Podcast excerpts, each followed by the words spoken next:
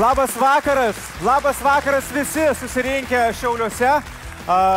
Šiaulių etape eik pasirinkti projekte, ar ne? Ir aš džiaugiuosi, kad ryta pagaliau gavo gerai atrodantį bičią šalia savęs. Uh, Pagaliau, pagaliau, štai jūs dabar būsite su manim kartu. Ir aš su jumis galų gale. Sukeitė juos pagaliau. Jo, jo. Tai Bet- čia, čia nieko, čia aš ir Čia mano, Šiauliai, čia aš mano, Šiauliai. čia dar ne šiauliai, čia atsivežiau šiaulius, kad nepultų. Čia viskas gerai. Žmonės labai draugiški ir nusimato labai šiaip smagus žaidimas. Rita irgi sakė labai draugiškai nusiteikusi, nebus čia labai kamantinėjami kandidatai ar bus vis tik. Aš niekada nebūnu nedraugiškai nusiteikusi ir niekada nekamantinėjau žmonių. Niekada. Niekada. Ne. Net kai jie baisu ir jie bijo ir jie prakaituoja. Pats pamatysi. Ok, labai gerai. Tai mes, draugai, netrukus pamatysim, kaip e, šį kartą kandidatai varžosi dėl, uh, dėl garbės, dėl titulo, dėl taurės, kurią mes įteiksim dviese, nes aš vienas nepakelsiu ir tik vieną sveiką ranką. Rita padėsit. Ir dėl to, ką Lietuvos rinkėjai pasirinks rinkimuose į Europos parlamentą. Taip, pradedam. Pradedam.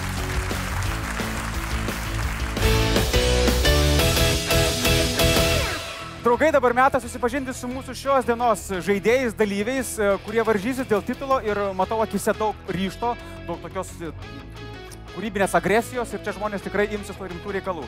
Taigi, arčiausiai manęs yra darbo partijos atstovė Justina Vitkauskaitė Bernard. Paplokim jai. Šalia jos Lietuvos valstiečių žaliųjų sąjungos atstovė Karina Štelmokaitė. Sveiki. Toliau Lietuvos žaliųjų partijos atstovė Jeva Budraitė. Sveiki. Toliau turime Tevinės sąjungos Lietuvos krikščionių demokratų atstovę Gintarė Skaisė ir viskas. Čia rimtai. Čia kaip Tadas Vidmantas. Ok, labai gerai. Nu tai bravo. Labai gerai. Aš tokio vardo irgi norėčiau. Tada, toliau, ten jau pirmas vyras, beje, merginos tiko, kodėl vyrai taip toli nugrūsti, aš nežinau, aš tikrai nežinau, aš norėčiau, kad būtų sumaišyta, bet ten stovi aušros maldikienės traukinio, turbūt lokomotyvas, Konstantin Rubekin. Sveiki. Šalia Konstantino patogiai užtikrintai įsitaisęs šypsosi kol kas, nes dar nežino, kas jo laukia. Ten stovi stipri Lietuva vieningoje Europoje atstovas Bernardas Šatkovskis. Labas vakaras. Toliau, žmogus, ar jūs reikia pristatyti iš tikrųjų čia rimtai? Ne, manęs Reikia Andrius nepažįsta. pristatyti. Tai yra Lietuvos socialdemokratų darbo partijos atstovas Andrius Šedžius. Labą vakarą. Su turbūt daugiausia palaikymo, neblogai. Ir uh, eilės gale, bet tikrai ne paskutinis, nes žaidime tai čia, žinot, visiškai nieko nereiškia. Tai yra Lietuvos Laisvės sąjungos liberalų atstovas Kestutis Nėlius. Sveiki, gyvi. O dabar, draugai, trumpai apie taisyklės. Pirmajame ir antrajame ture bus klausimai. E, Pirmajame ture bus trys klausimų atsakymo variantai ir turėsite po 15 sekundžių pasirinkti teisingam atsakymo variantui. E, Galit pagalvoti, galit rinktis iš karto, tik sulaukit mano pasakymo, kad jau laikas, tada ir bus galima rinktis. Viskas turbūt jau čia daugmaž aišku, o apie visą kitą žaidimo eigoje. A pasiruošę? A jūs pasiruošę? Pradedam. Pirmasis turas, pirmasis klausimas. 2022 metais paskelbtos dvi Europos kultūros sostinės. Viena iš jų yra Kaunas, antrasis miestas yra Ešas prie Alzeto, kurioje valstybėje yra šis miestas. A variantas - Olandija, B variantas - Luksemburgas, C variantas - Vokietija. Laikas. Spauskit mygtuką. Aha, susijusiu su raidelė.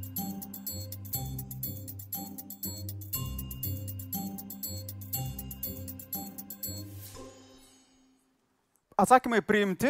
Beje, primenu, kad už teisingą atsakymą vienas taškas, o klausimų pirmajame ture yra dešimt. Teisingas atsakymas buvo Luksemburgas. Buvo pasirinkusių ir neteisingai. Deja, labai gaila. Kodėl jūs taip pasirinkote, aš ne... Ką taip? Pasirinkau neteisingai. Aš matau.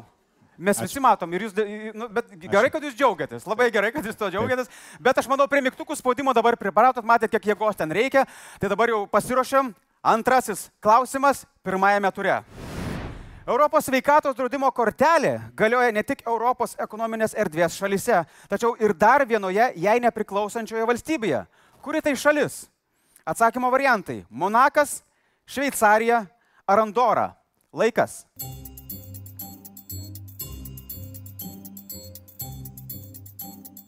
Kažkas dūsauja, matau, kažkodėl tai.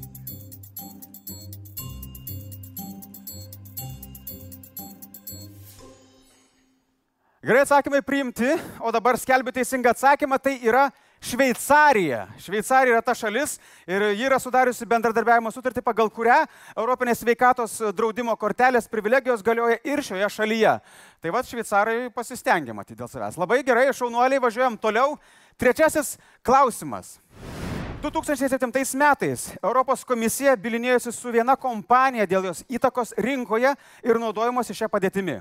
Kompanija bylos nelaimėjo ir turėjo sumokėti 497 milijonus eurų baudą. Tai e, kuri ta kompanija? Trys variantai - Apple, Google ar Microsoft.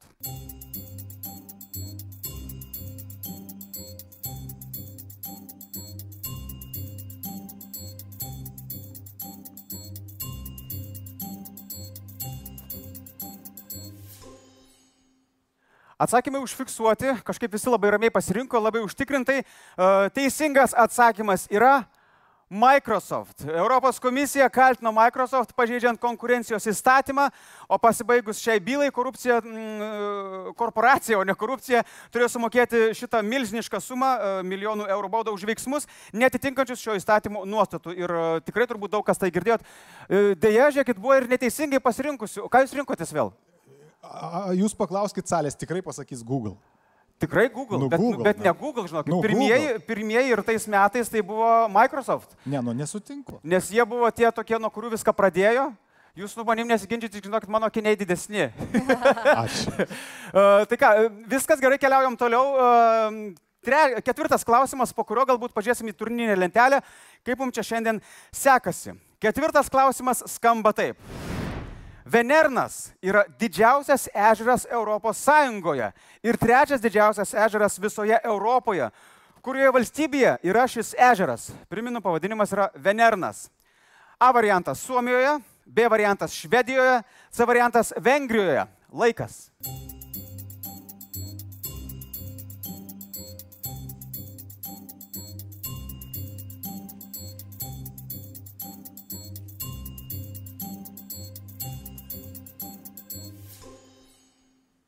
Atsakymai priimti ir dabar skelbiu, kad ežeras su labai keistų pavadinimu - Venernas, nežinau, įlipus tikiuosi lygos kokios neišsineši.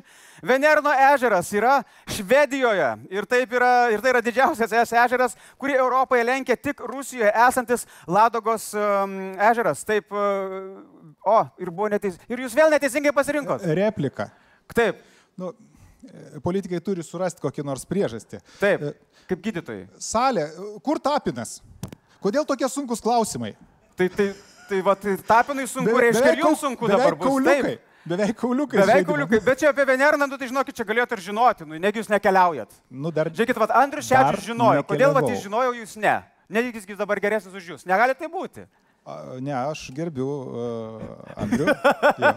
Bet Jo, nes- Prie Venerno, būtent prie šio Venerno ežero nebuvau. Nebuvot. Nu, Nu, bet vat įdomu, į su- ežerą su, su, su šito žodžiu dar Su šito žodžiu dar neteko bendrauti. Nu, labai gerai. Uh, pažiūrėkime bendrą turnyrinę lentelę, kaip sekasi mūsų dalyviam. Kol kas keturi klausimai atsakyti. Ir uh, va, nu žiūrėkit, neblogai, neblogai. Lietuva, pirmaujat, aš matau, kad čia jūs. Taip, Karolina. Labai, taip, Karolina, jūs labai puikiai važiuojat. Taip, verta paploti. Bet e, tikrai dar e, ne viskas prarasta, nes mes dar tik pradėjom. E, Šiaip primena kaip ir beveik rinkimų rezultatų lentelę. E, Bet važiuojam toliau. taip. Penktas klausimas, po kurio gali tikrai viskas labai stipriai pasikeisti. Taigi, 1807 metais Portugalijos karališkoji šeima su visu savo dvaru persikėlė iš Lisabonos į vieną miestą, kuriame jų negalėjo pasiekti Napoleono karo veiksmai, į kurį miestą persikėlė Portugalijos karališkasis dvaras. A variantas - Buenos Aires, B variantas - Rio de Janeiras arba C - Dublinas. Laikas. Andrius žiūri mane, aš kitą atsakymą nepasakysiu. Taip, renkitės atsakingai, nes šiandien suktas klausimas. Jūs jau pasirinkot vėl? Viskas gerai. Viskas gerai. Aš ramus. Ramus. Svarbiausia ramybė, tai teisingai. Atsakymai priimti ir aš skelbiu, kad tais ilgais gudžiais ten metais karališkoji šeima išsikėlė į Rio de Janeirą. Taip, ir šaunuolė, nu jūs matau, čia šiandien ošėt kaip turi būti. Ir bėgdama nuo Napoleono karo veiksmų Portugalijos karališkai šeima persikėlė į Rio de Janeirą. Tas miestas tapo Portugalijos karalystės sostinė de facto ir išliko jie iki pat 1821 metų. Tai tokį labai ilgą laiką. Tai ką, sveikinu visus, kurie pasirinko teisingai, o kurie neteisingai, nu irgi sveikinu, kažkoks vis tiek progresas matyti. Ačiū. Gerai, e, neliūdim, važiuojam toliau. Šeštas klausimas. Šeštas klausimas e, turėtų būti nelabai sunkus, aš įsivaizduoju. Taigi, Švedijos mieste Kirūnoje yra didžiausia ne tik ES, bet ir viso pasaulio šios iškasenos kasykla. Kas yra kasama Kirūnoje? A variantas - geležies rūda, B variantas - druska, ar C variantas - anglis - laikas.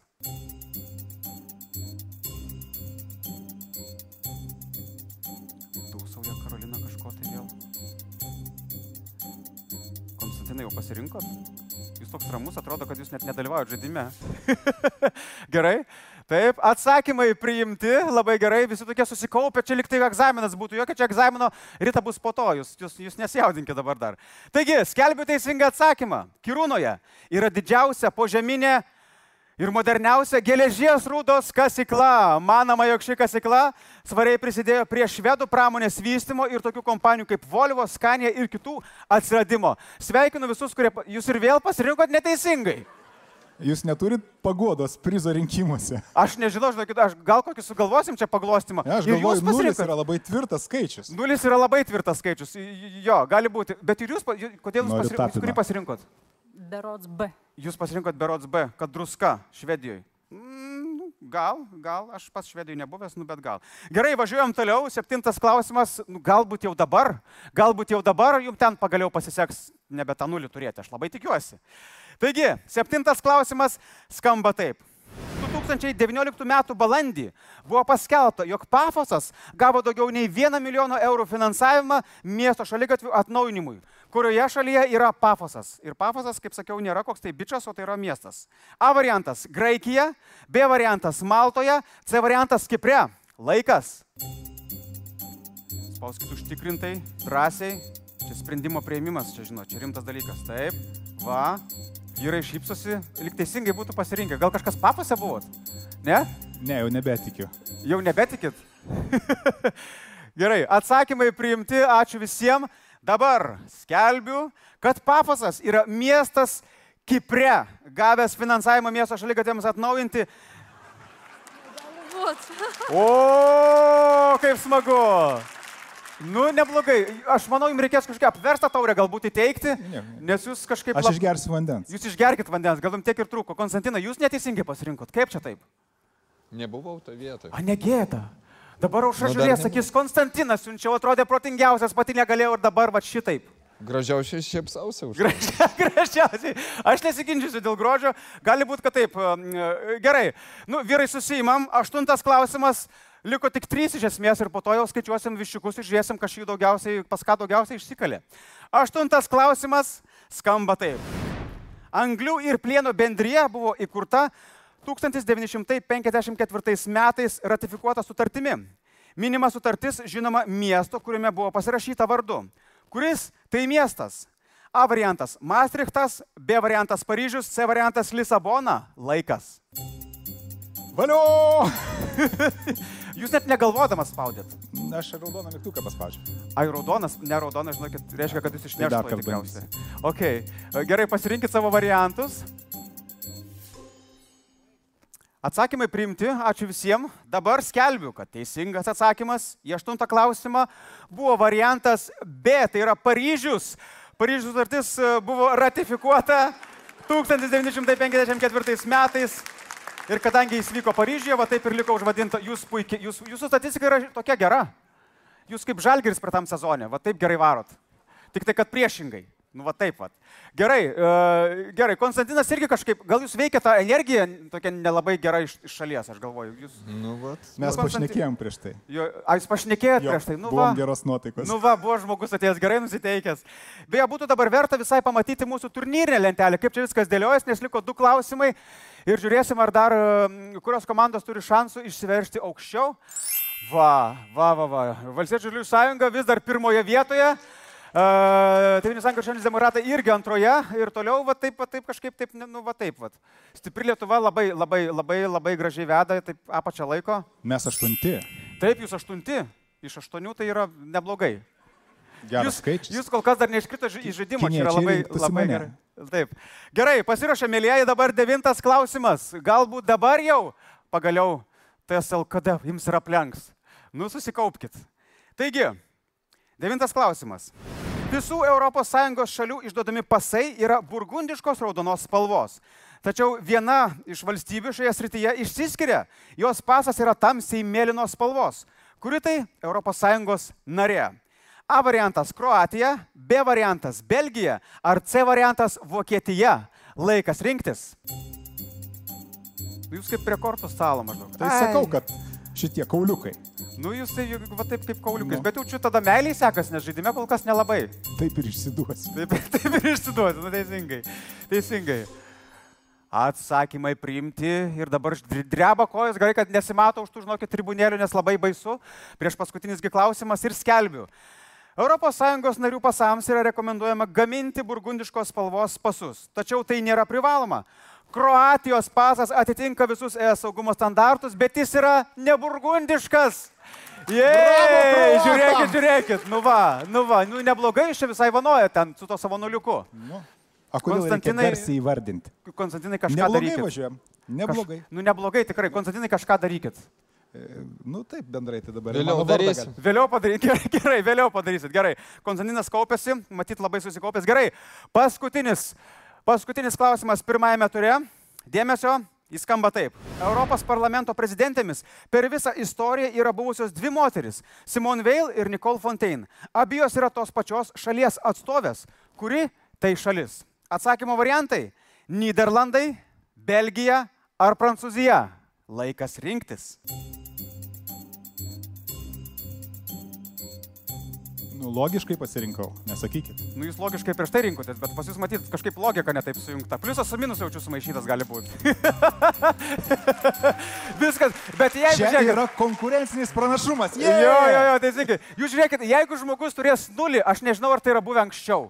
Nu, nėra buvę. Čia bus istorinis įvykis, kad šiauliuose tai nutiko. Sakiau, kad Tapinas norėtų būti čia. Ir jis nepamatys, kaip tai nutiko. Gerai, atsakymų, atsakymų variantai priimti. Tai ką? Skelbiu, kad e, vienintelės dvi Europos parlamento prezidentės moteris buvo iš... Žinot, iš kur? Iš Prancūzijos! Ir...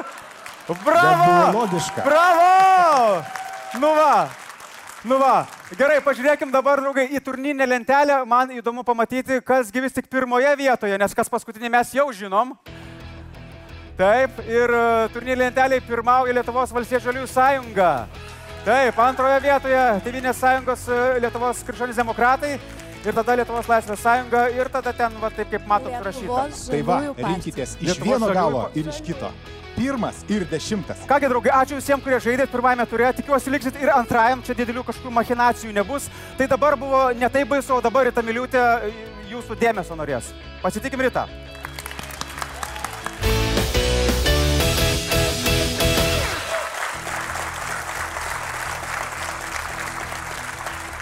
Ačiū. Čia, žinot, kažkaip nėra labai smagus girdėti, va dabar ateis miliūtė, tai žinokit, dabar jau bus blogai, nes prieš tai, ką tik čia stovėjo jaunuolis su gipsuota ranka ir niekad nežinai, kuris ją gali dėti paskui. Tai gerai, pristatau aš mūsų dalį, tai yra debatai, tema yra užsienio politika.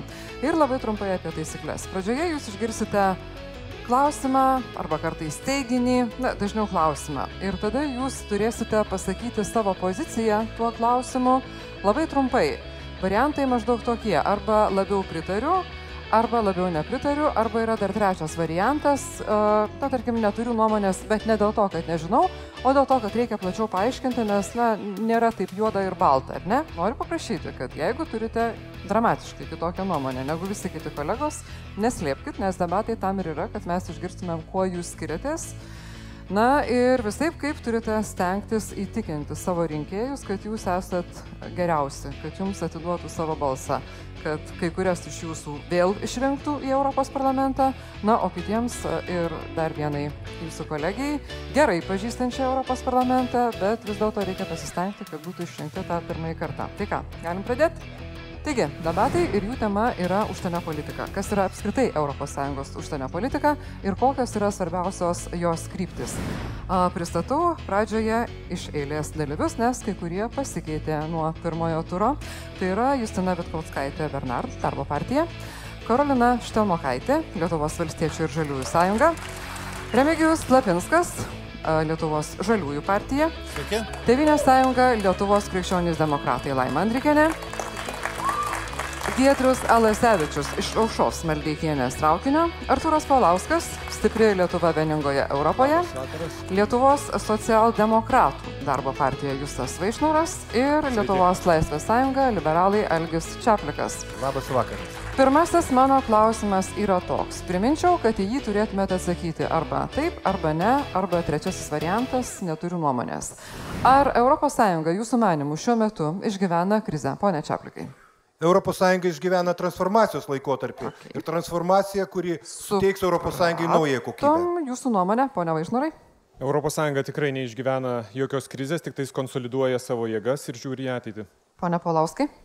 Aš manau, kad daugiau yra krizinių momentų ir tos krizės yra ne visada sėkmingai sprendžiamas. Pone Lasevičiu? Um, aš manyčiau, kad gal teisingiau būtų žiūrėti, kad dabar tas laikotarpis yra šiek tiek prieš krizinis, toks lemiamas momentas, kur mes žiūrime, kurią pusę tai nueis. Tai galbūt jos dar nėra, tačiau radikali dešinė, euroskepticizmas turbūt visiems aišku. Kitaip tariant, ta žaryjų dobė dar prieš akis mums, ar ne? Pone Andrikinė. Tikrai nepavadinčiau to ES krize, tačiau ES yra kryškelėje, kuriuo keliu pasukti. Ir ne veltui mes prieš kokius metus diskutavome dėl penkių ar šešių netgi scenarijų, kokie jie galėtų būti, tai taip ir apibūdinčiau. Tai turim Esame kryškelėje. Keturios žaryjų dobės ir reikia pasirinkti, kaip neįkristi į ne vieną iš jų. A, pone Lapinskai. E, aš manau, kad tai yra daugiau krizinis laikotarpis. Mes pirmą kartą susidūrėm su tokia situacija, kai valstybė labai įtakinga, ES valstybė nori iš jos įstoti. Pane Štamukaitė. Yra šiek tiek nerimo dėl ES ateities. Krizės mes tikrai dar neišgyvename ir tikiuosi neišgyvensime, jeigu rinkimai Europos parlamentą bus sėkmingi ir proeuropietiškos jėgos e, laimės. Ir ponia Justina Vitkauskaistė Bernard, jūsų. Aš manau, tai priklauso apie kokias sritis kalbėsime. Jeigu kalbėsime apie migracijos politiką, apie breksitą, apie radikalėjančias dešinėsias pažiūras, tai būtų galima tai vadinti tam tikromis e, krizinėmis iš tikrųjų situacijomis. Gerai, kadangi jūs paminėjote Brexitą, tai nuo jūsų dabar reikiam e, su kitu klausimu. Ar ES turėtų stengtis išsaugoti Junktinės karalystės narystę? Taip, ne ar nebūtinai? Na, aš manau, kad ES deda visas pastangas, kad išsaugotų. Ar turėtų, jūsų nuomonė? E, taip. Karolina? Žinoma. Pane Lapinskai? E, mano nuomonė, ES yra vertybių sąjunga ir e, žmogaus teisės ir nuomonė turi būti gerbiama. Didžioji Britanija pareiškė savo nuomonę, tai taip, kad... Aš manau, bandau išgauti jūsų nuomonę. Ar ES turėtų išsaugoti Junktinę karalystę ES? Be abejo turėtų, bet šiai dienai tam prielaidų nėra. Britanijos žmonės pareiškė savo nuomonę. Pone Andrikinė. E, aš manau, kad e, taip. Ir breksitas yra istorinė klaida, už kurią jau mokame kainą ir dar ilgus metus mokėtume, jeigu jis įvyktų. Pone Lasevičiu. Vienareikšmiškai taip ir priežastis daugiau kultūrinė, visas esu projektas gimė iš tam tikro solidarumo ir bet koks jo apturpėjimas tikrai nėra naudingas. Pone Palauskai. Kaip galima išsaugoti, jeigu Britai patys nusprendė išeiti? reikia gerbti jų nuomonę, jeigu jie persigalvos, sveikinsim, bet šiandien Europos e, komisija dėrėdamasi neturėtų sudeginti tiltų, padaryti galimybę jiems grįžti, aps, apsispręsti, kitą sprendimą padaryti, bet reikia viską daryti pagal ES teisės aktus. Pone Vaišnarai. Aš atsakysiu užsienio reikalų ministro Linkievičio žodžiais, kad yra labai liūdna žiūrėti į vienos iš ES narių savižudybę. ES stiprybė yra vienybėje. Tai aišku, mes turim stengtis išsaugoti Britų narystę Europos Sąjungoje. Na, bet jie nenorėjo būti tokie vieningi, kaip kad norite jūs ir mūsų užsienio reikalų ministras, jie norėjo išeiti, ponė Čiaplikai. Na, aš žiūrėdamas į mūsų Lietuvos politinį elitą galvojau, kad mums trūksta sveiko proto, pažiūrėjus į Britų politiką, politikos elitą supratau, kad mes dar labai gerai atrodome. Todėl nesakau, kai patys nutars, tai jis sugrįž. Per prievartą nieko čia neįvyks. Jūs džiaugiatės, kad radote vietų, kur sveiko proto trūksta daugiau negu pas mus. Be abejo, be abejo. Arba, arba sveiko proto yra daugiau pas mus negu pas kitus. Čia kaip pažiūrėsi pagal vertybių skalę. Aš manau, kad sveiko proto pas mus daugiau. Einam į po breksito pridėsim patikslinimą, kurį jūs pats pateikėt. Einam prie kito klausimo. Ar ES turi remti Palestinos nepriklausomybės valstybingumo sieki? Pradėkim nuo ponios Andrikenės.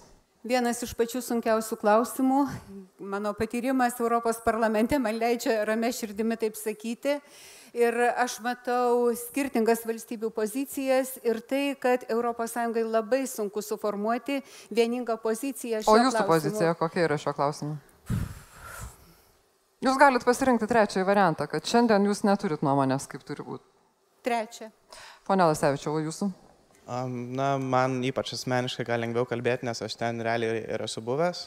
Tai aš sakyčiau, kad vienareikšmiškai taip, jo labiau, kad daug kartų tas klausimas buvo užakcentuotas ir sutarta ir tos problemos, jos aišku yra labai plačios, kodėl tai neįvyksta, tačiau pats sprendimas, regis ir tartutinės bendruomenės daug kartų buvo paremtas ir vienareikšmiškai sutarta, todėl aš nelabai suprantu, kodėl tas pats klausimas iš vis yra keliamas, kai tiek daug kartų jį atsakėm. Pone Lapinskai. Na, mano nuomonė visų pirma, ES turi remti taikų tos problemos sureguliavimą, tai vienas dalykas. Antras dalykas, tautos apsisprendimo teisė irgi yra pamatinė ir labai stipri. Tai išeinant iš tų dviejų pozicijų, pozicijų sakyčiau, kad daugiau taip turėtume remti, tačiau tai daryti vis tik tai, na, nestodami atvirai į, sakysim, kažkokią tai radikalią poziciją. Tai remti truputį paslapčiai ar kaip remti? Ne, remti, remti tiesiog visų pirma taikų procesą, diskusiją, kalbėjimąsi, tai gali atvesti prie normalaus rezultato. Pone Palauskai. Aiškaus recepto nėra, tiek metų vyksta konfliktas ir kariniai veiksmai. Be abejo, reikia ieškoti kompromiso. ES siūlė ne vieną kartą tą kompromisą, bet jis yra neįgyvendintas. Paimkim ir Golano aukštumas. ES nepripažįsta jų okupacijos nors mes matėm, kad Trumpas pripažino. Tai šito keliu, tokiu radikaliu, aš manau, problemos neįspręsim. Nes tos dvi tautos, tiek žydų, tiek palestiniečių, galėtų gyventi drauge, bet reikia tiesiog surasti tą bendrą vardiklį. Nes šiandien yra karinis stovis tarp jų. Tai tą mes turbūt pastebėjom ir kad jiem nesiseka labai taikiai gyventi nuo pat Izraelio valstybės įkūrimo irgi, bet kokia būtų jūsų pozicija? Ar ES turėtų remti nepriklausomybės siekį ir pripažinimą valstybės? Jeigu taip atvirai kalbėti, netikiu, kad galėtų palestiniečiai iškovoti šiandien nepriklausomą valstybės statusą ir su kažkokia tarptautinė parama. Bet kad jie gali sugyventi kartu vienoj valstybei, Tai šitą galima padaryti ir patys Izraelio e, politikai kalba, kad mes galim kartu sugyventi, bet reikia sutarti dėl bendro vardiklio. Karolina Štelmokaitė ir jos pozicija dėl Palestinos. ES ir šiuo metu remia dviejų valstybių kelią.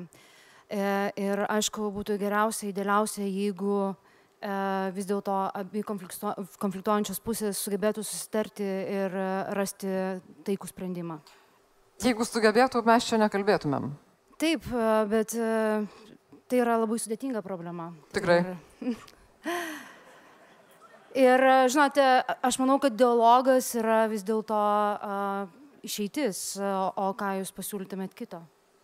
Jeigu aš kandidatuočiau į Europos parlamentą, tada kažką ir siūlyčiau. Dabar aš bandžiau išgauti jūsų nuomonę. Europos parlamentas, noriu pasakyti vieną dalyką.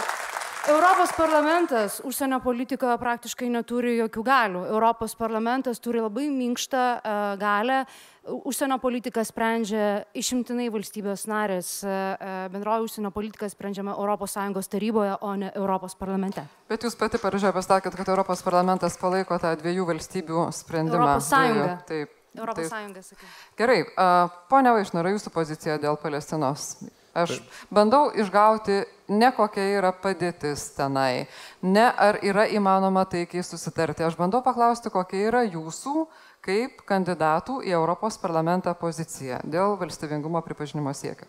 Taip, tai mano kaip kandidato pozicija yra dviejų valstybių sprendimas.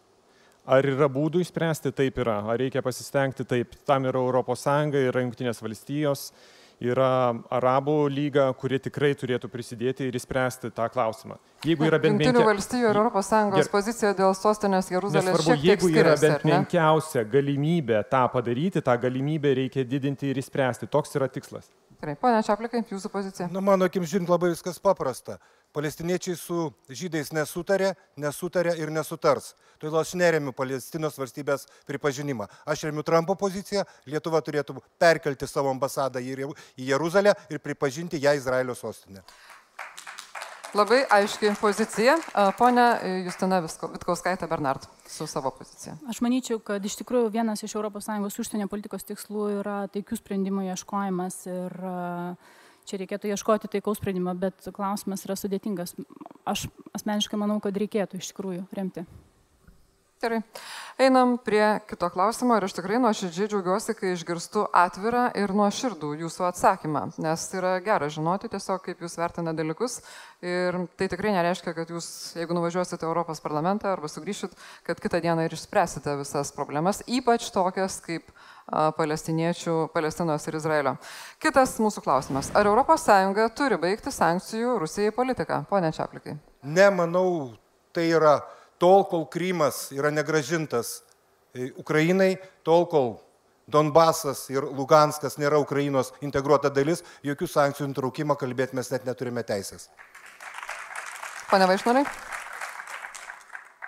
Europos Sąjunga šiuo metu neturi jokių kitų alternatyvų. Tik tai Aš sta... jūsų pozicijos klausiu. E, jokiais būdais. Gerai, ponia Palauskai. Be abejo, kad sankcijos turi išlikti, gal net reikia kai kur stiprinti, ypač po Kerčės atveju. Jau aš nekalbu apie Krymo, apie Donetsko ir visus kitus karinius veiksmus, bet mes matom, kad Rusija apskritai tose postsovietinėse valstybėse naudoja tą pačią taktiką - skaldyti, padaryti tokius rusiškus anklavus, sukurti žydinius karinius kad šitos valstybės niekada neturėtų galimybės nei įstoti į NATO, nei su ES palaikyti gerų santykių. Tai jų yra tokia taktika ir mes turim už tai bausti. Pone Lasevičiu, jūsų, jūsų vos nepasakiau sankcija dėl pozicijos, pozicija dėl sankcijų. Tai aš manau, čia paprastas klausimas. Klausimas galėtų būti tik nebent ir jas dar labiau griežtinti, nes ne tik Krymas, bet ir Litvinenko atvejais ir visos, ir jų energetikos politika, ir tas sąrašas begalinis vis tik plečiasi. Esmė yra, kad kol ten nėra demokratinės visuomenės, tol mes apskritai turėtume labai griežtai ir kategoriškai laikytis nuo to. Pone Andrikinė.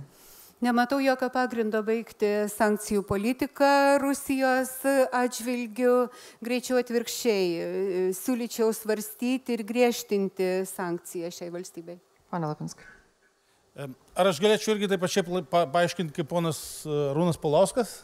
Tiek laiko žinoti. Jeigu jums atrodo, kad tai yra plačiai paaiškinti, tai galite. Gerai, pabandysiu paaiškinti. Ne, jeigu rimtai, tai situacija labai paprasta. Prielaidų sankcijų baigimui tikrai nėra, nes e, nėra jokio e, aiškaus postumio darybose dėl Krymo, dėl Donbaso, Lugansko. E, todėl faktas, kad jokių baigimų negali būti. Ko aš, e, sakysim, pasigendu e, iš ES vis tik tai vieningesnės pozicijos ir e, tam tikrų iniciatyvų. Tų iniciatyvų galėtų būti daugiau, lygiai kaip ir vieningesnės pozicijos. Kokių iniciatyvų? Iniciatyvų pasigenda? Iniciatyvų siūlyti, e, inicijuoti įvairias darybas, į, tarkim, įvairius aspektus nagrinėti. Taip, e, paminėkite kai kurios aspektus, dėl kurių Na, jūs pasigendate. Mes, mes jau keliari metai gyvenam, reiškia, ties Minsko iniciatyvom. Ir nieko naujo nėra. Tai aš manau, kad tokia, tokia situacija irgi neturėtų tęstis. Tarp kitko, Ukrainos žmonės, su kuriais man irgi tenka bendrauti, jie yra pavargę nuo tokio ne, beveik nieko nevaikimo. Tai aš manau, kad, galvoja, kad reikia atsisakyti daugiau. Minsko susitarimų.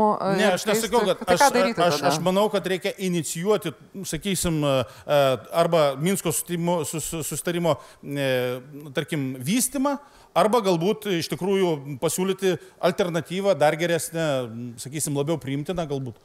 Galime replikuoti? ar? Galima bus bet kam. Aš dabar man labai įdomu, kokia, kokia galėtų būti Ukrainai geresnė alternatyva negu Minsko sustarimas, kuri tiktų Maskvai.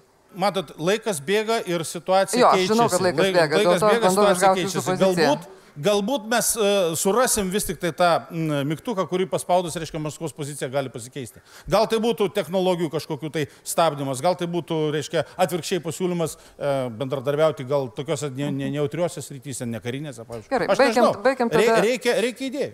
Supratau, aš bandžiau išgauti idėjų. Panešta Mokaitė. Tai visų pirma, tai ES yra vieninga Rusijos sankcijų atžvilgių ir jos yra vis dar pratesiamos ir iš tiesų nėra jokio pagrindo jų atšaukti. Minsko sustarimas, kuris turėjo būti įgyvendintas 2015 metais, vis dar nėra. Aš nekalbu apie gražinimą Krymo ir pritariu tiems, kurie sako, kad kai, kur turėtų būti griežčiau reaguojama iš ES pusės, pavyzdžiui, dėl Kerčės. Taip pat, pavyzdžiui, siūlyčiau ES priimti e, e, ES Magnitskio sąrašą, kai kurios šalis e, jį turi atskirai prieimusios. Pone Vitkauskaitė Bernard. Na, ES užsienio politikos tikslas, aišku, yra dialogas su visomis e, pasaulio valstybėmis, kiek įmanoma, ir, aišku, visų pirma, su savo kaimynais. Tai to dialogo reikia siekti, tačiau tuo atveju, kuomet yra pažeidžia, pažeidžiama tarptautinė teisė ir susitarimai, tai dėja kito kelio nėra. Todėl manau, kad taip. Ir norėjau replikuoti ponę Andrikinę, ponas Šeplikas ir ponas Aišoras. Tai tokia Ačiū. tvarka. Aš norėjau padėti kolegai, kai jam buvo sunku suformuluoti naujas iniciatyvas, bet tai pasakė Karolina. Ir e, toji iniciatyva, kuri, manau, yra minėtina ir svarstytina, tai yra Magnitskio sąrašas ES lygių. Europos parlamentas savo poziciją jau pasakė tuo klausimu ir aš labai tikiuosi, kad valstybės narės išdrys turės politinės valios tai padaryti. Pone Vaišno, pone Čiaplikai. Na, man.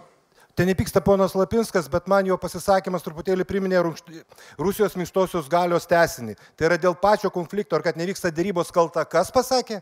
Europos Sąjunga kuri atsit ne va tai nerodo kažkokių tai iniciatyvų. Tai įdinga iš vis mąstymas. Agresorius kaltas.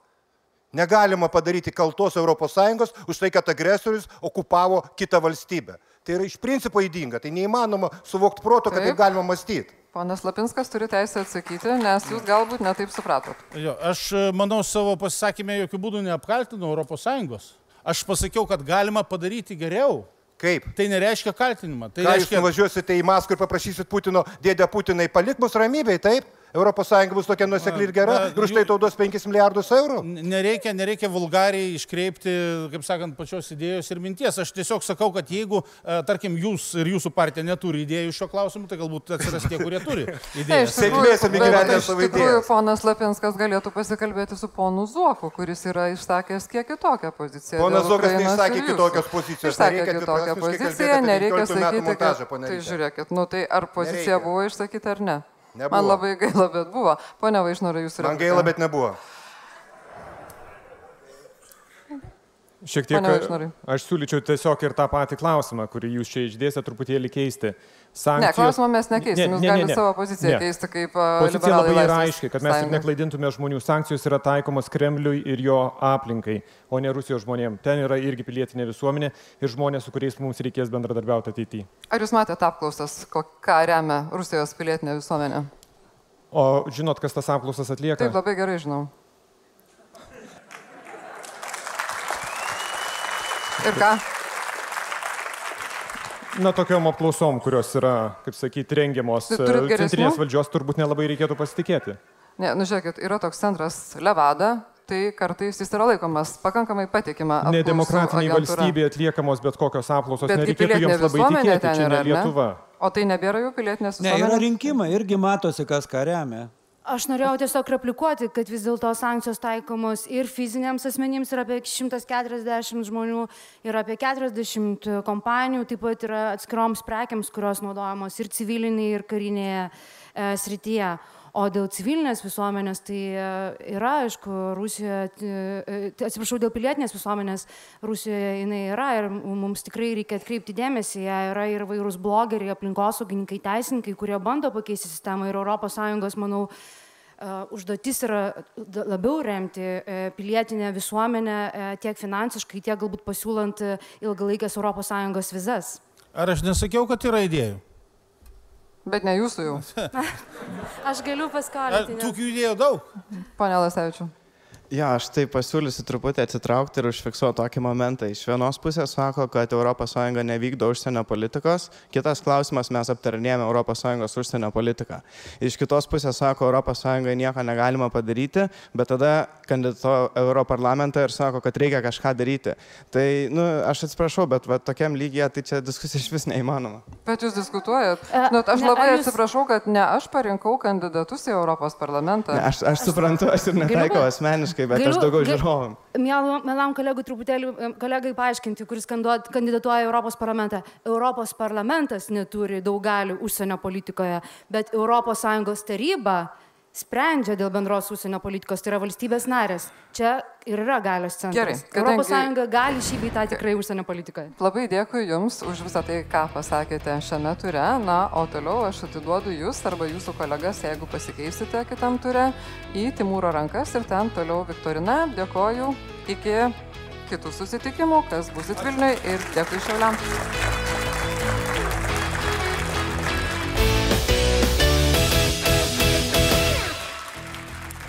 Ačiū Rytai. Rita tik neteisingai pasakė, jinai perdoda visus šio žaidėjus į mano vieną sveiką likusią ranką. Su šitą tai aš nieko nepadarysiu. Bet matau, kad kai kurios komandos atsiuntė kitus žaidėjus žaisti. E, Šiaip buvo visai neblogai pasirodžiusių.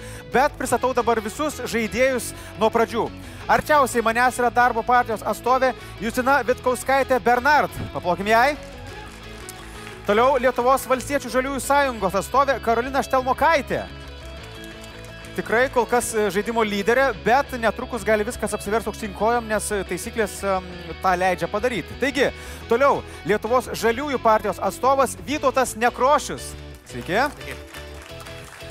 Tada Tevinės sąjungos Lietuvos krikščionių demokratų atstovė Gintarė Skaistė. Sveiki dar sėki. Tada Aušos Maldikienės traukinio atstovas Laurinas Šedvydis. Labadiena.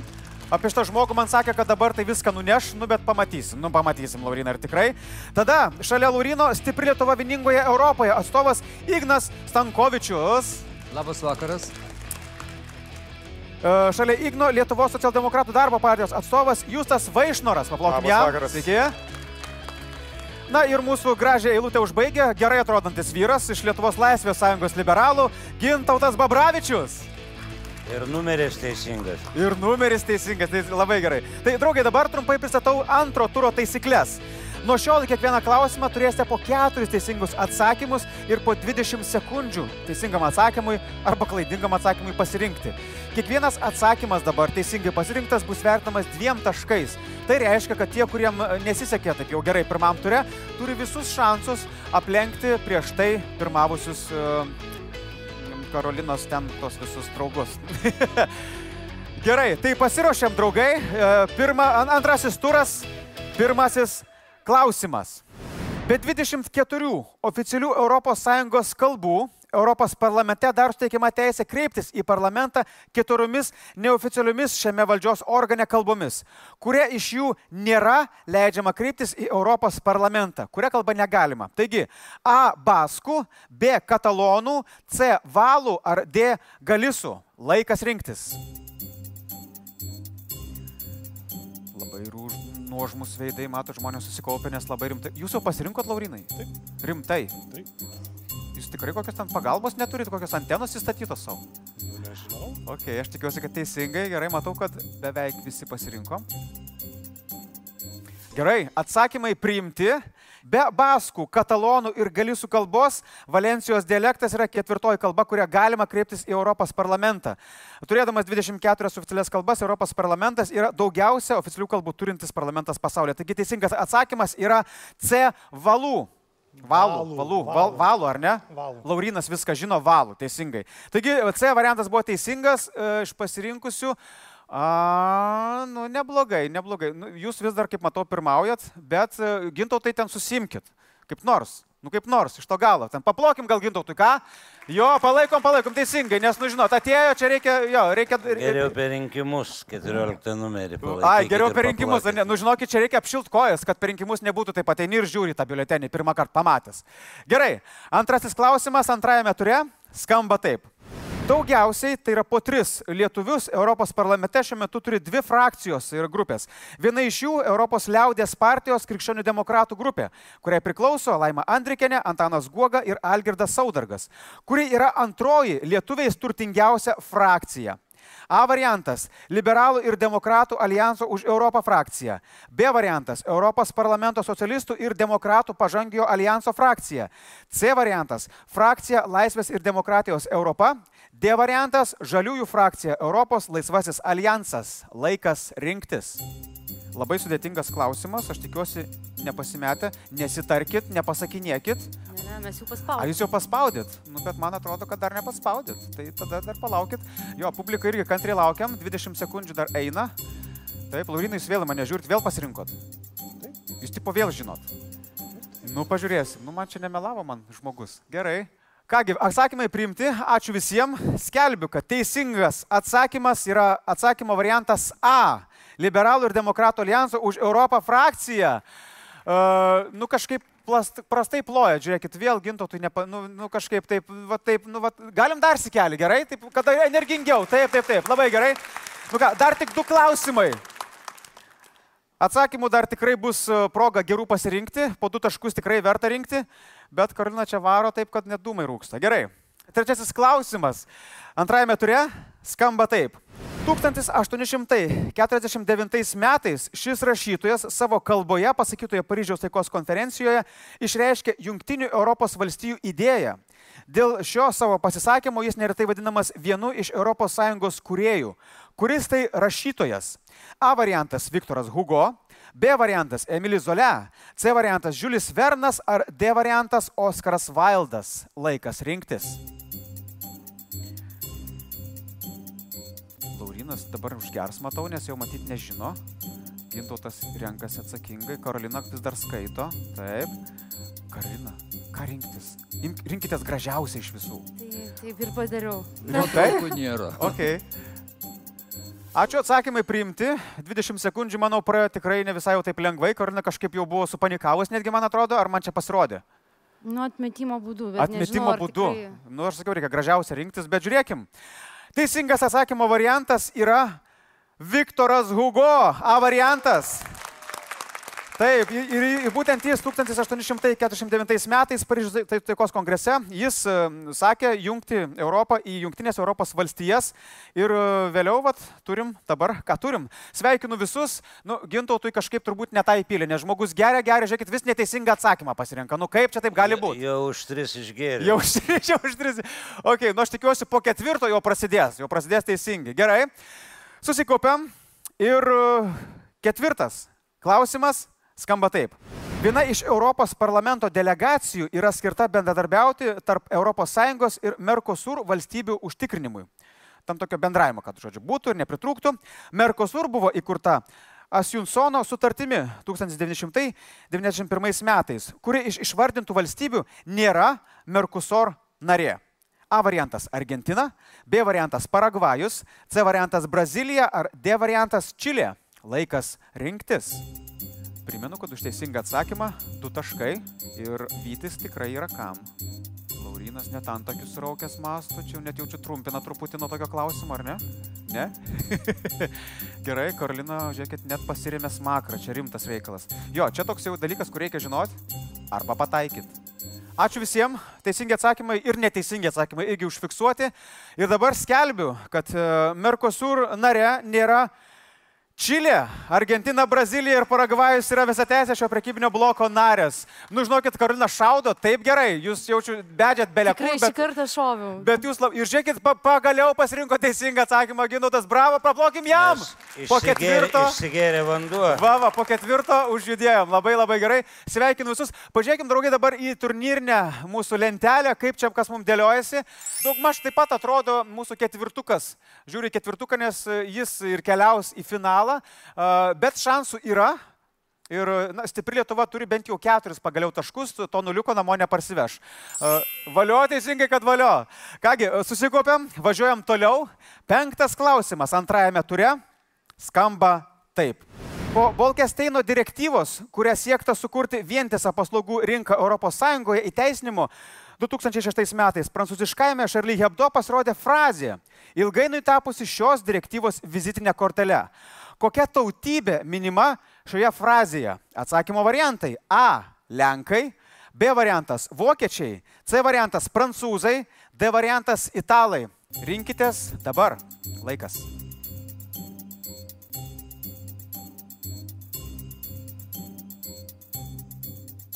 Karolina, jau pasirinkot? Jo. Žinodama, ar, ar, ar vėl spėliojat? Ar vėl jūs čia šaudot? Ne, ne. Gerai, Laurinas jau supasi. Beveik šoka jau žinodamas gerai. Ačiū visiems, atsakymai užfiksuoti. Dabar skaitau atsakymą. Klausime kalbama apie direktyvą, kuria siekta sukurti vientisą paslaugų ir darbo rinką ES viduje. Charlie Hebdo ES konstitucijos referendumo Prancūzijoje metu panaudojo frazę Lenkų santechnikas, kuria buvo norėta nusakyti pigios darbo jėgos judėjimą iš Centrinės Europos, vėliau ši frazė ir išplito. Tai yra Lenkio, Lenkijos tautybė, sveikinu visus, čia visi pasirinko teisingai? O, tai tikrai verta ovacijų, žiūrėkit, nu pagaliau, pagaliau sutapo nuomonės. Labai, labai gerai, nu, sveikinu visus. Gerai. Važiuojam toliau. Šeštas klausimas. 2009 metais, kai Vilnius buvo Europos kultūros sostinė, kartu su šia sostinė buvo ir vienas Austrijos miestas, jis irgi buvo sostinė. Kuris tai miestas? A variantas - Lincas, B variantas - Gracas, C variantas - Salzburgas ar D variantas - Innsbrukas. Rinkitės dabar, laikas. Lincas, Gracas, Salzburgas ar Innsbrukas. Atrodo, net taip neseniai buvo tie 29, ar ne? Vamzdį dar tik tada statė. Aprūdijas buvo taip pat kaip ir šiandien. Karolina, vėl spėjot ar žinojot? Man atrodo, kad žinau, bet nesu šimta procentų įstikinus. Rimtai, nu kažkaip, jūs pirmą kartą žaidime, gal jūs naujoko sėkmė šiandien lydi? Gal. Nu, nes kažkaip kaip jau čia duoda, tai var, į vienus vartus vos ne. Nu, palaukit, dar ne vakaras. Dar ne vakaras, taip. Ačiū visiems, atsakymai priimti. Ir aš skelbiu, kad 2009 metais, kai Vilnius buvo Europos kultūros sostinė, kartu su Vilnium tą vėliavą nešė Austrijos miestas Lincas. A variantas teisingas. Nu, Laurinas irgi varo į vieną pusę, kaip turi būti. Jo, jeigu neteisingai pasirinka dega raudonas, priek jūs gal nežinojot. Dabar galėsite tikrinti ir, nu, pažiūrėsim. Gerai, sveikinu visus, kas pasirinko teisingai, šaunuoliai. Gal prieš septintą siūlau užmesti akį į mūsų turnyrį lentelę. Gal ten įvyko kokie nors pokyčiai. Nu, kad ir nelabai. Ketvirtukas veda toliau, bet prisivyti tikrai į ketvirtą vietą manau, kad dar šansų yra trim komandom. Linkiu sėkmės. Judam toliau. Septintas klausimas skamba taip. Tuščios kėdės krizė ištiko Europos komisiją uh, Walter uh, Halsten vadovavimo metu, kai tai komisijai vadovavo. Viena iš Europos ekonominės bendrijos narių, perimus prezentavimą, nesutapo minimos šalies ir komisijos nuomonės. Tad šalis atšaukė savo narį komisijoje. Kuri valstybė tuo metu prezidentavo sąjungoje? Atsakymo variantai. Vokietija, B variantas - Junktinė karalystė, C variantas - Italija ar D variantas - Prancūzija. Laikas rinktis. Kaip gaila, kad negalim girdėti minčių, ar ne? Nes įdomu, ką dabar galvoja. Kaip... re- Nes Laurinas jau pasirinko, vėl, vėl jūs jau pasirinkot? Pasirinkau. Na, aš netikiu, kad jūs viską žinot. Ne, tikrai ne. Ne? Jūs irgi gerai šaudot, ar ne?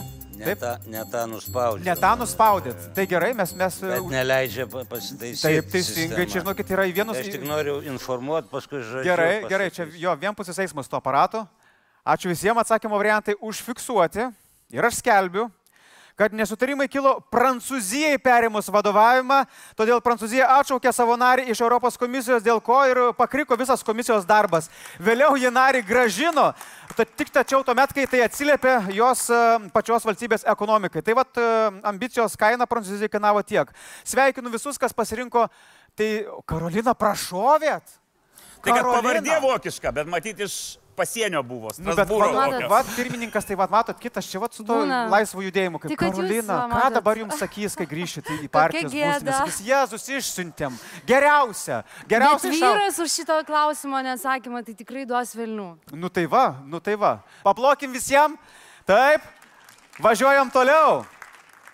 Aštuntas klausimas ir iki pabaigos lieka trys klausimai, kurių primenu vertė yra du taškai. Taigi aštuntas klausimas skamba taip.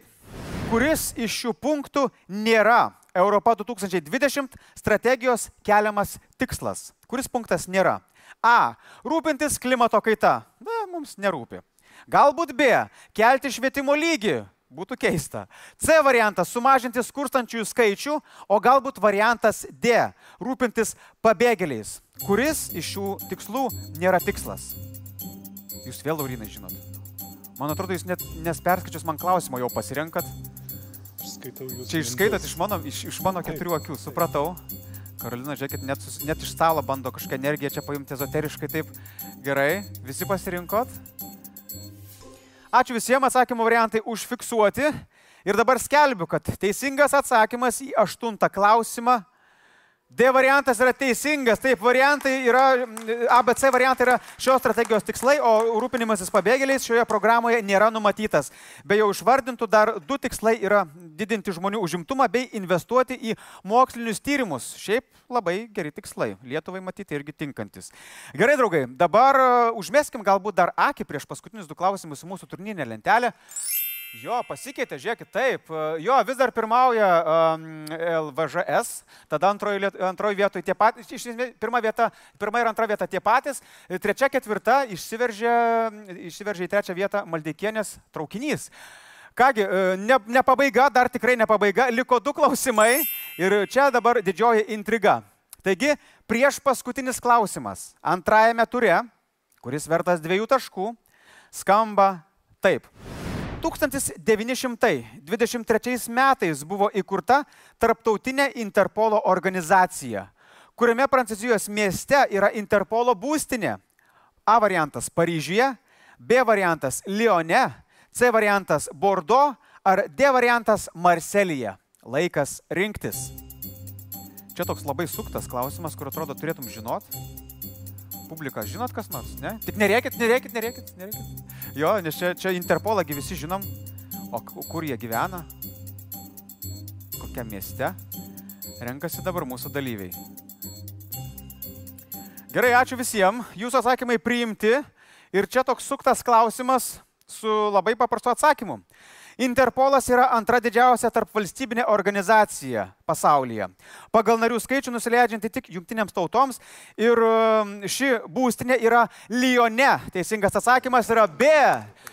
O, kiek daug pro šalį prašovusių, bet aš sveikinu pirmo stalelio narę, nes jūs tikrai labai pasirinkot neblogai ir sveikinu labai jūs, nes šiaip visi pasirinkot neteisingai, beje, Interpolo oficiali darbo kalba yra prancūzų. Tai čia irgi verta žinoti dalykas, kada nors dalyvaujant kokiam nors kitame uh, intelektinėme žaidime.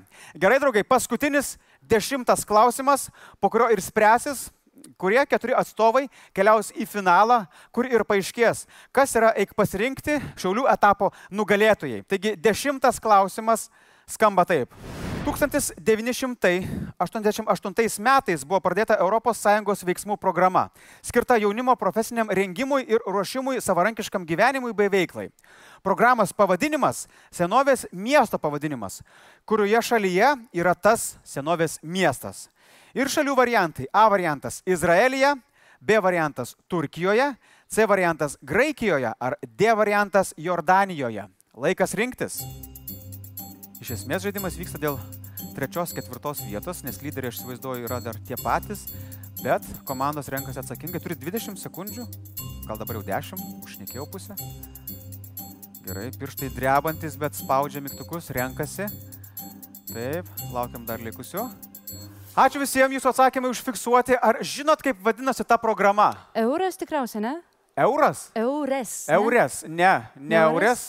Laurina, jūs gal žinot, kaip vadinasi ta programa, nežinot. Bet pasirinko tai kokiu tada būdu iš čia, spėjot? O ne Erasmus, jinai vadinasi. Ne, ne Erasmus. Tikrai ne Euras? Ne, ne, ne, ne, ne, ne, ne, ne, ne. Tai draugai, aš jums skelbiu, kad šios programos pavadinimas yra Petra. Programa truko penkerius metus, o vėliau buvo dar ir kelios jos dalis. Petra yra Jordanijos miestas, garsus savo akmens suola laikoma vienu iš naujų pasaulio stebuklų. Bravo, bravo, bravo, tikrai. Verta plojimų, kad visi vienu metu pabaigoje pasirinkot neteisingai. Šaunuoliai, šaunuoliai, nereikia čia nusiminti, o dabar skaičiuojam visus mes čia taškus, visą turnyrinę bendrą lentelę atsidarom ir žiūrim, kurių keturių partijų atstovai keliauja į kitą tai yra finalinį etapą. Taip, ir sveikinimai Lietuvos valstiečių žaliųjų sąjungai, taip pat Tevinės sąjungas, Lietuvos krikščionys demokratai, darbo partijas ir Lietuvo žaliųjų partijos atstovam. Bravo! Bravo jums labai.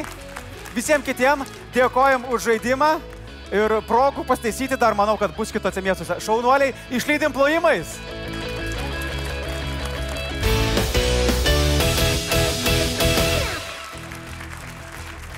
Na ką, o dabar prieš visus žiūrovus salėje ir prieš, prieš visus, kurie prie ekranų sėdi, yra finalo ketvirtukininkai mano, mano finalo ketvirtas. Ir e, sveikinu visus, kurie patekot. Ir e, taisyklės yra tokios iš pradžių, kad į finalą atsinešėte tam tikrus taškus po antrojo turo.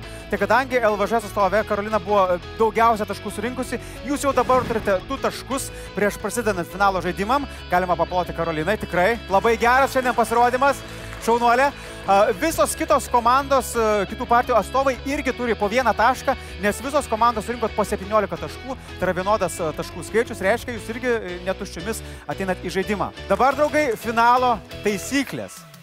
Čia bus viskas paremta reakcija, bet e, nešvaistykit savo raudono mygtuko paspaudimo.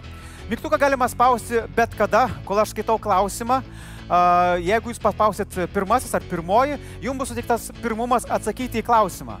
Jeigu jūs atsakot neteisingai į tą klausimą, jūs į tą klausimą atsakinėti nebegalit ir savo tuos du taškus už pirmesnį atsakymą į, į, į klausimą išvaistot iš esmės ir kitiem nebeduodat.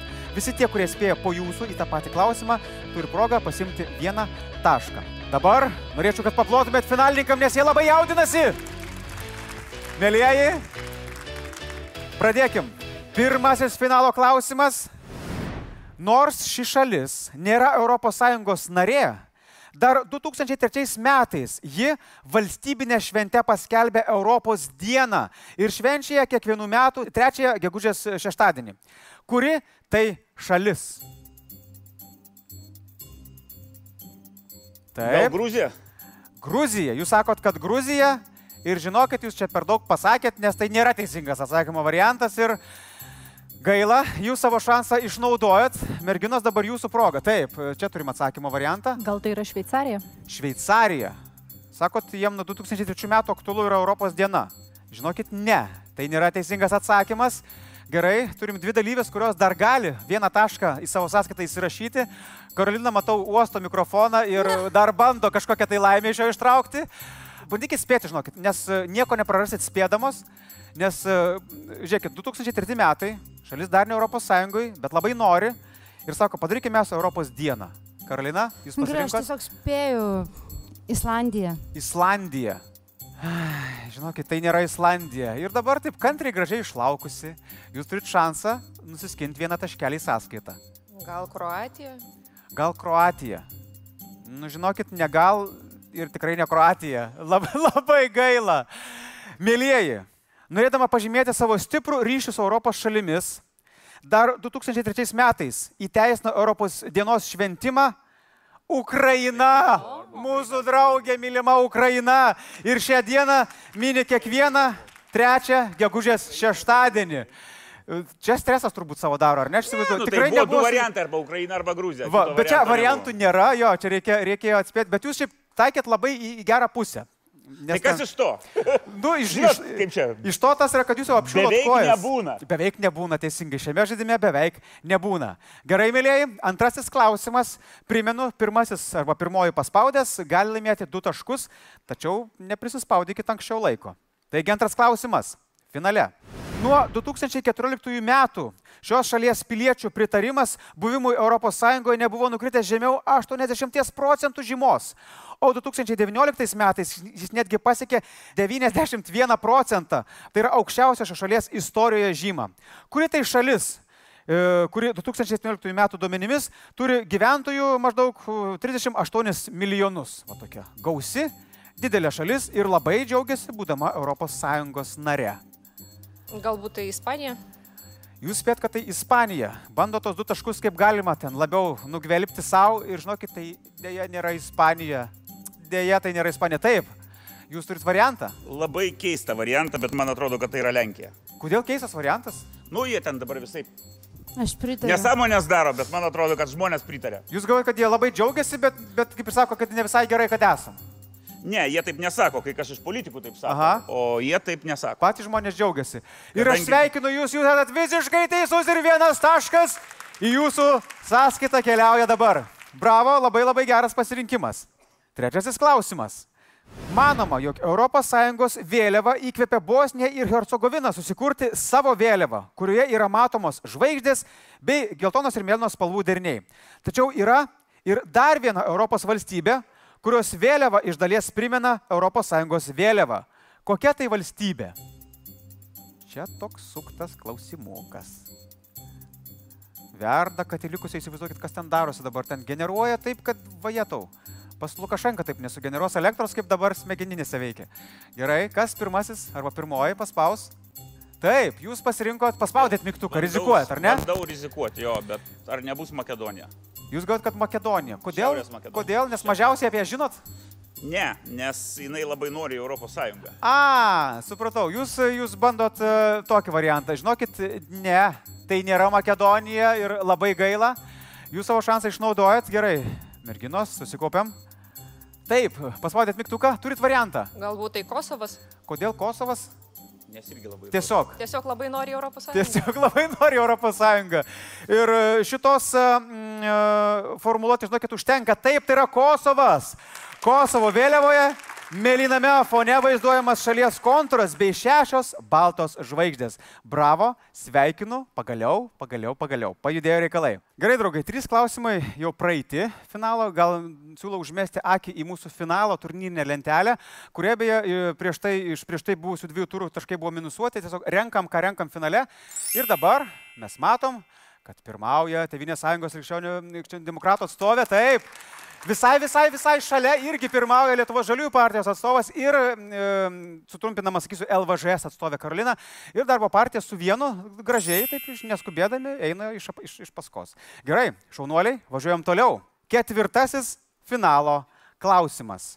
Mraid Maginis, Boguslav Liberatski, David Sasoli. Tai tik keli iš 14 asmenų Europos parlamente užimačių tam tikras pareigas. Kokias pareigas jie užima? Jūs jau paspaudėt, Karolina, ar netyčia? Tai Viceprezidentė.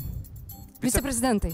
Ko? Europos parlamento. Europos parlamento viceprezidentai. Jūs čia žinot ar spėt vėl? Ne, nu tai matau pavardės. Ai, jūs tai dar reiškia žinot, čia abejo. Supratau. Supratau. Dirba Europos parlamente. Ir netgi šitaip, nu tai jau čia nebėra kokios intrigos. Šaunuolė, bravo, du taškai jūsų sąskaitoj. Labai gerai, greita reakcija. Greiti du taškai. Gerai. Penktas klausimas. Veimaro Respublikoje konspiracijos teorijos dėka buvo plačiai žinomas terminas žydų konfeti. Kas buvo vadinama žydų konfeti? Čia toks klausimas, kur galvoju, kaip neprisišnekėt paspaudus mygtuką, ar ne? Būtent. Nu va, čia žinokit, mes jūs gaudom ne tik su Rita Miliūtė. Va, jūs paspaudėt mygtuką. Bandžiau įtarti. Bandėt įtarti. Jo, ar Kas tai gi nebuvo kokia nors e, tarptautinė maždaug žydų vyriausybė, bolševikų ir taip toliau. Ai, galvojate, tokių didelių Nu, mastų nuėjo, kad čia, žodžiu, valdo Ta prasme, pasaulį. nu, pan- jeigu apie konspiracijos teoriją, tai galėjo būti e, iš Kominterno valdoma, reiškia, visa šita. Supratau, supratau. Nu, jūs čia šiaip labai gerą variantą mums pasiūlėte. Bet neteisinga. Bet neteisinga, taip, jūs jau pats supratot, kad neteisingas. Šiaip jūs labai greit spaudžiat, bet dėja nebuvo teisingas atsakymas. Gerai, merginos, jums šansas pasimti vieną tašką į savo komandos sąskaitą. Taip, jūs išdrysot. Na Sveikinu. irgi visiškas spėjimas, bet galbūt samokslo teorija, kad na, žydai pasiskirstė po įvairias šalis ir tai bando užvaldyti tam tikras institucijas. Ai, tiesiog žydų visa rasė buvo vadinama konfeti, kuri taip puf ir išsisklaidė po visą pasaulį. Šiaip jūs taip gražiai čia, žinai, ga- gal kokią šventę esate organizavus, kad taip, pat taip vaizdiškai viską įsivaizduojat. Žinokit, irgi dėja ne, ne jų išsisklaidimas pasaulyje buvo čia mm, po šitą frazę pakištas. Liko dvi merginos, viena labai susikaupus ir tas mikrofonas ten toks bus nubučiuotas. Žinau, kad aš bijau, kad jis paskui pareiškimo neparašytų į policiją. Nes jo sutikimo, manau, negavot. Gerai, merginos, dėmesio, tai kurį, kurį išdrysit visgi, pabandykit tikrai verta. Žydų konfeti. Aš tai gal negaišinsiu laiko, tiesiog aš, žinokit, nežinau ir neturiu labai gerų Jūs idėjų. neturit variantų iš... Gerai, lieka, aš žiūriu dabar į jūs labai įdėmiai. Lauksim 10 minučių dabar. Lauksim Tokį 10 minučių. variantą mes aptarėm Gal, gal tai. nelaukiam iš tikrųjų. nes Nelauk, aš irgi neturit nežinau. variantų, Ne. ar ne? Mhm. Labai gerai. Nu, aš dabar kaip paskelbsiu, sakysit, sakysit, taigi žinojau, su savo negipsuota ranka dėsit savo per kaktą ir sakysit, nu taigi taip. Veimaro Respublikoje vyraujant hiperinfliacijai, popieriniai pinigai buvo beveik beverčiai. Šio proceso uh, sukelimui apkaltinti buvo žydai ir tai buvo vadinama žydų konfeti, sako, čia pinigai niekam nereikalingi. Tai dėja, atsakymas buvo visiškai šalia, manau, ir, ir beveik išmastomas, ar ne? Nu taip, visai, visai šalia. Gerai, uh, užkliuvom, sukliuvom, nieko tokio, pasikeliam, kaip sako, nusišlostom dulkės ir keliaujam toliau. Šeštas finalo klausimas skamba taip. 2012 metais kelionių žurnalo Traveler's Digest sudarytame gražiausių pasaulyje vyrų miestų top 10 pirmą vietą užėmė miestas, šalia kurio yra jo vardo Salinas. Kuris tai Europos miestas su gražiausiais vyrais? Čia taip, toks buvo topas. Ten yra gražiausi vyrai. Merginos, nu kaip čia dar nepasvaudėt, aš nežinau. Labai jau patriotiškas, galbūt lietuvių neišduosim. Taip, tai tas miestas buvo pripažintas gražiausiu, gražiausių vyrų miestu. Ten jie patys gražiausi. Ir šalia yra jo vardo Salinas. Merginos nežino, nes turbūt galvoja, ai, maniškis gražus, į kitus nežiūriu, tai va dabar jums ir koja pakišo šitas. Kurgi tas miestas? Kurgi tas miestas? Gerai. Ba- Bandykit paus, žinom tų Europos miestų. Jeigu nežinot, nu tai reikia spėlioti bandyti. Įsivaizduot gražų vyrą, europietį, kuris galėtų gyventi. Čia matot, visos merginos vedusios yra, tai, Tai čia pats tas, jūs jau tipo kainė, jūs... tai yra nevedusios ištekėjusios. Nu tai bet vis tiek, žinot, nusipirki batus į vitrinas, vis tiek žiūri. Tai taip. Nu tai čia jūs žinokit, aš jums jau... Va, Tai taip, taip, išdryso, taip, turim, turim paspaustą mygtuką. Pagalvojau, kad tai Gran Canaria, Salinas, Kanarų salos ir... Gran Canaria, ten tokie degė vaikšto, taip galvoju, o čia prieitų Pavyzdžiui. masažą pasiūlysim nemokamai, žinokit, ne Gran Canaria. Deja, tai ne Gran Canaria ir, man atrodo, nelabai net miestas, bet aš gal ir miestas. Ne, nu, bet jūs neblogą bandymą turėjot. Du taškus bent jau ne kažkam atidavėt šaunuolę. Uh, Mėlyje, Europos miestai, nu, sostinės. Yra ne- ne... čia salynus reikia, sostinių. Nu, ir tai daug. Salinas šalia, taip, tai vad miestas su vandeniu prie jo. Tai Venecija. Venecija, jūs nepaspaudėt nėra. mygtuką, O, bet, bet tiek to, nu, vat, Venecija sakot. Ten gražus vyrai? Aš Ten salino nėra. ten, suprantu, turistai, aišku, daugiausia, tai tų vyrų gal ir a, nelabai daug yra. Supratau, supratau. Žinokit, dėja, Karolina, tai nėra teisingas atsakymas. Ne Venecija, ne Gran Canaria. Nu kur dar? Gražus tokie vyrai tokie. Nu, vat, įimi, vat, įsivaizduoju, vyras, nu tai žinai, man tokie, tokie biški gal, gal vikingai tokie, tokie. O, A, nu tai tada jau Stoholmas. taip. Stokholmas norėjau sakyti. Stokholmas norėjot sakyti ir jūs dabar sakot, kad Stokholmas ir jūs esat visiškai teisi. Visai šalia Stokholmo yra Stokholmo vardu pavadintas Salinas. 2012 metais. Pasidalinkim per pusę šitą tašką. Nu, žinokit, nesidalina čia per pusę. Čia kaip ir geri bičiai, per pusę nesidalina, žinokit. Nu, tu man Taigi, skolinga. jo, ir jis buvo 2012 metais pripažintas gražiausių vyrų miestų. Tai šiaulėtės, jeigu kam aktualu iki Stokholmo, netaip toli. Keliaujam toliau. Ir dabar septintas klausimas, po kurio, manau, užmėsim akį į mūsų turnyrinę lentelę, pamatyti, kaip sekasi mūsų finalo vargšam nelaimėliam. Gerai, susikaupiam. 1985 metais Piliečių Europos komitetas, Adonino komitetas dar vadinamas, siūlė ES vėliavą, kurios vidurė buvo viena raidė. Kokia tai raidė? Taip, jūs paspaudėt, Kolina, jau. Nu, Norit tai logiška, kad turėtų būti E. E su skaičiais 621 ar kokia nors, su, ko- su kokia, ar, ar tiesiog E? Ne, tai viena raidė, kokia tai raidė. Tai, a, Viena raidė. Jūs sakot raidė E, jūs norite dviejų taškų. Taip. Labai norit? Labai. Nu tai imkit. Yeah! Teisingas atsakymas, taip. Ir ta raidė turėjo simbolizuoti Europą. Taip, ir visiškai teisi. Nu, matot, vat, vat, viskas neblogai. Čia, čia kaspinėlio aukštis galbūt lemia jūsų teisingų atsakymų kiekį. Gal, Nes jūs kažką dabar su juo padarėt. Galvoju, gal čia kas nors yra Čia susijęs. vienas, vienas, vienas šitoks. Ai, ai, va, va, gali būti ten antena kokia pakavota. Nu tiek to. Dabar beje, užmeskim akį į mūsų turnyrinę lentelę, pažiūrėkim, kaip sekasi mūsų dalyviam. Šeši taškai, LVŽS, du, du ir visur po kitur dviejetukai. Nu, Karolina čia kažkaip labai jau taip į vienus vartus spardot, nu bet dar pabandom, galbūt kažkas dar prisivys, nes manau, kad e, šansų yra, o klausimų, jeigu bus vienodas taškų skaičius, aš irgi dar turiu. Taigi, aštuntas klausimas finale skamba taip. Nepaisydama Šengeno sutarties, Portugalija yra keletą kartų įvedusi sienos su Ispanija kirtimo patikrą. Naujausia tokio tipo patikra buvo įvesta 2017 metais, kai Fatimos miestą Portugalijoje lankė vienas asmuo. Kas šis asmuo? Jūs jau paspaudėt mygtuką? Taip. Drąsiai ir užtikrintai. Taip, popiežius. jis? Popiežius. Kok, kok, katras? Nu, katras dabartinis. Dabartinis, o kaip vadinasi, atsimenat? Pranciškus. Kuris? O Jėzus Marija, nu, koks skirtumas? Na, klausimas, klausimas yra, yra. Gerai, nebekankinam, tai yra teisingas atsakymas ir du taškai jūsų sąskaito jau dabar. Tai būtent tais metais, 17 e, popiežius lankėsi tenai, Pranciškus pirmasis ir ten buvo reikalų ir dėl to buvo įvesta patikra, kad būtų galima lengviau suvaldyti srautus. Taigi, devintas klausimas finale skamba taip. Europos komisijos nariai savo nario priesaiką duoda vienoje iš Luksemburgė esančių institucijų. Kurioje? Ai, paspaudžiau. aš Jau paspaudėt jūs? Tai aišku. O jūs žinot ir ar vėl norit atspėti? Teisingumo teismas, Europos teisingumo teismas. Jis yra Luksemburgė? Be abejo. Rimtai? Taip. Nu gerai, pas mane irgi tai parašyta. Sveikinu, du taškai yra jūsų.